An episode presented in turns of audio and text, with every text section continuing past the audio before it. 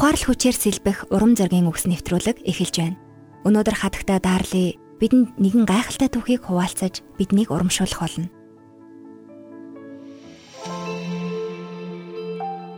Есүс Галилийн тэнгисийг гатлаад иргдээр гарч ирэхэд чөтгөрт эзэмдүүлсэн нэгэн хүнтэй тулгардаг.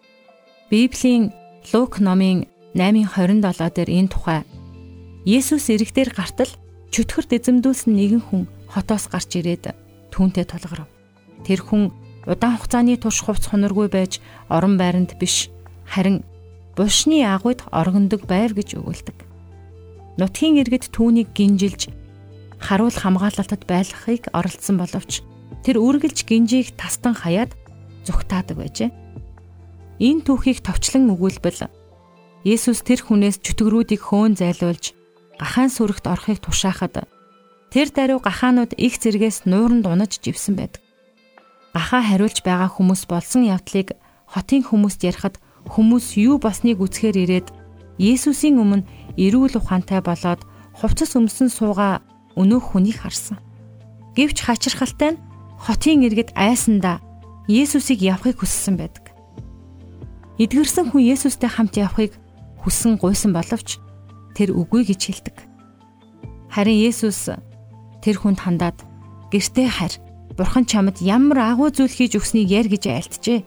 Тэгээд Есүс өөрт нь ямар агуу зүйл хийж өгснийг хот даяар тэр тунхагласаар явж одлоо гэж Лук номын 8 дугаар бүлгийн 39 дээр бичсэн байгаа.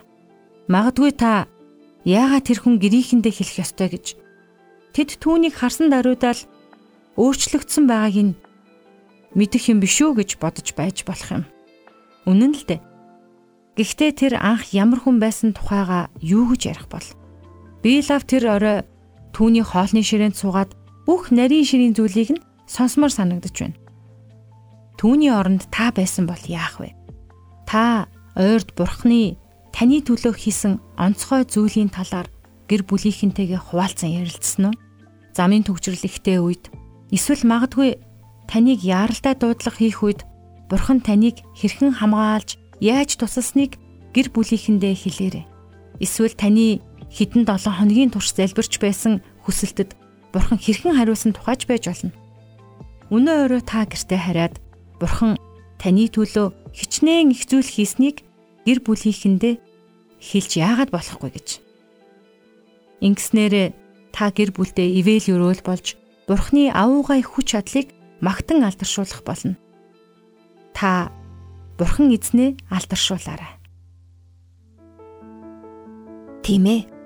Бурхан миний төлөө асар их гайхамшигтай зүйлс хийснийг би гэрчилж чадна. Энэ урам зоригийн үгс Бурханы миний төлөө, хайртай хүмүүсийн минь төлөө хийсэн хүчрхэг үйлсүүдийг санагдууллаа. Би хүүхэд байхдаа нэг удаа аимшигын кино үзээд тэр шөндөө маш их халуурсан. Түүнээс хойш харанхуйгаас маш ихээр айдаг болж ард нэг юм байнга л байгаа мэт айцтай болсон юм. Оюутан байхдаа цагийн ажил хийж, оройн цэвэрлэгээ хийх ээлж таарах бүрд хамаг бие дагжин чичирч хүйтэн хөлс цовдөг байлаа. Энэ миний маш том сэтгэлийн эмгэг байсныг сүүлд би мэдсэн.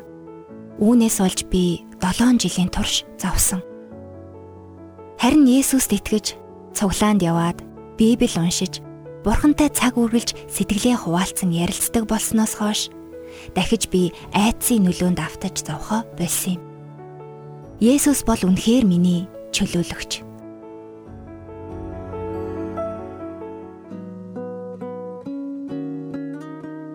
Урмын үгс сэтгэлийн зовлонгоос холдуулдаг. Хадагтай Дарлин Салагийн урам зоригийн үгс нэвтрүүлэг танд хүрлээ. Бидэнтэй холбогдох утас 8085 99 тэг тэг